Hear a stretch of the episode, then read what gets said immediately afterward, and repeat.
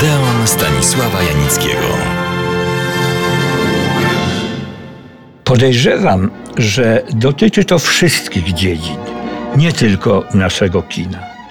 Wraz z upływem czasu to, co było, traci na wartości, idzie w zapomnienie. Takim zjawiskiem przynależnym dziesiątej muzie była i jest francuska nowa fala. Rozkwitła ona pod koniec lat 50. Najpierw we Francji, jak sama nazwa wskazuje. We Francji, dla przypomnienia, narodziło się kino. Wszak to tu bracia Lumière i ich prościutkie, ale jakże bogate filmy zapowiadały dwa podstawowe nurty kina: dramat i komedię. Trzeci pionier, Georges Méliès, udowodnił, że kino, film może i powinno być fantazją, marzeniem i nie stronić nawet od czystej poezji. Okres tuż powojenny znaczyły przede wszystkim filmy włoskiego neorealizmu, przedstawiające niełatwą prawdę o codziennym życiu i jakże trudnych warunkach powojennych. Charakterystyczne, że ten nurt, ten ogląd jakże trudnej, aktualnej rzeczywistości stał się hasłem i metodą wielu innych kinematografii, nie tylko europejskich, ale i azjatyckich, japońskiej, indyjskiej, ale i na przykład brazylijskiej. Kinematografie stare, przede wszystkim hollywoodzka oraz jej podobne, działały oczywiście według swoich tradycyjnych zasad, co nie znaczy, że nie powstawały wtedy dzieła wartościowe.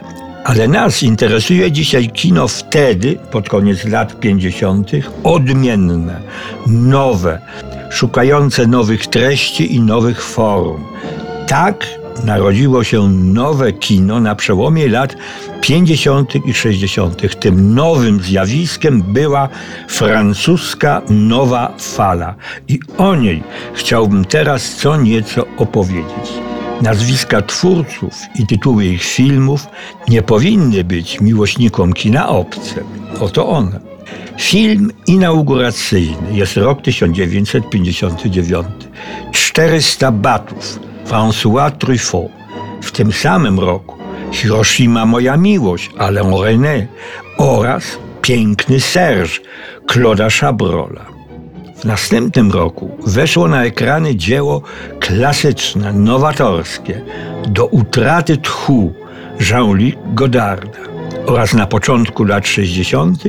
zeszłego roku w Marienbadzie wspomnianego już Alena René. Cleo od piątej do siódmej, a nie z Warda. Jules i Jim François Truffaut, wyrosłym na nowej fali i niejako kończącym w 1969 roku ten nowofalowy nurt francuskiego kina, były filmy Erika Romera, do którego jeszcze oddzielnie powrócę. Źródłem, motorem, trybuną czy jakby tego nie nazwać, było odtąd sławne czasopismo filmowe Cahiers du Cinema. Pisali tu wszyscy, za chwilę znani reżyserzy, których już wymieniłem. Przyczyn było wiele. Ja chciałbym zwrócić uwagę na dwa ważne aspekty. Pierwszy to kinofilia, mówiąc konkretniej, umiłowanie kina podniesione do rangi absolutnej. Drugi sprzyjająca sytuacja ogólna, czyli rządy generała de Gaulle'a, które polegały na nowym otwarciu w różnych dziedzinach życia, więc i w filmie, w kinie. I trzecia przyczyna natury technicznej. Jak wiadomo, w filmie, kinie niezwykle ważne, nie wchodząc w techniczne szczegóły. Kamery stały się lżejsze, więc filmować można było w każdych warunkach. Równie ważne było znaczne podniesienie czułości taśmy filmowej. Ponieważ miał film być wypowiedzią autorską każdego z twórców, przede wszystkim reżyserów i operatorów, nastąpiło ze względów ekonomicznych jakże ważne potanienie produkcji tych nowofalowych filmów.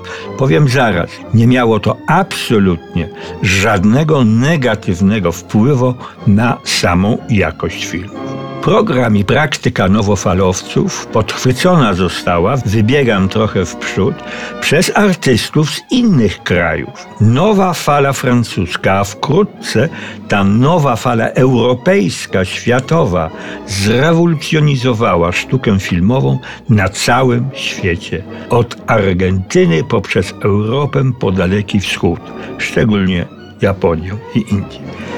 Miała ona tę samą wartość, co tak zwane szkoły, jak niemiecki ekspresjonizm, amerykański realizm, francuski psychologizm, polski nurt lat 60.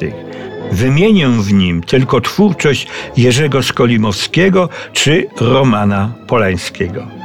A o niektórych klasycznych dziełach nowej fali francuskiej opowiem Państwu już za tydzień. Do naszego Odeonu serdecznie zapraszam.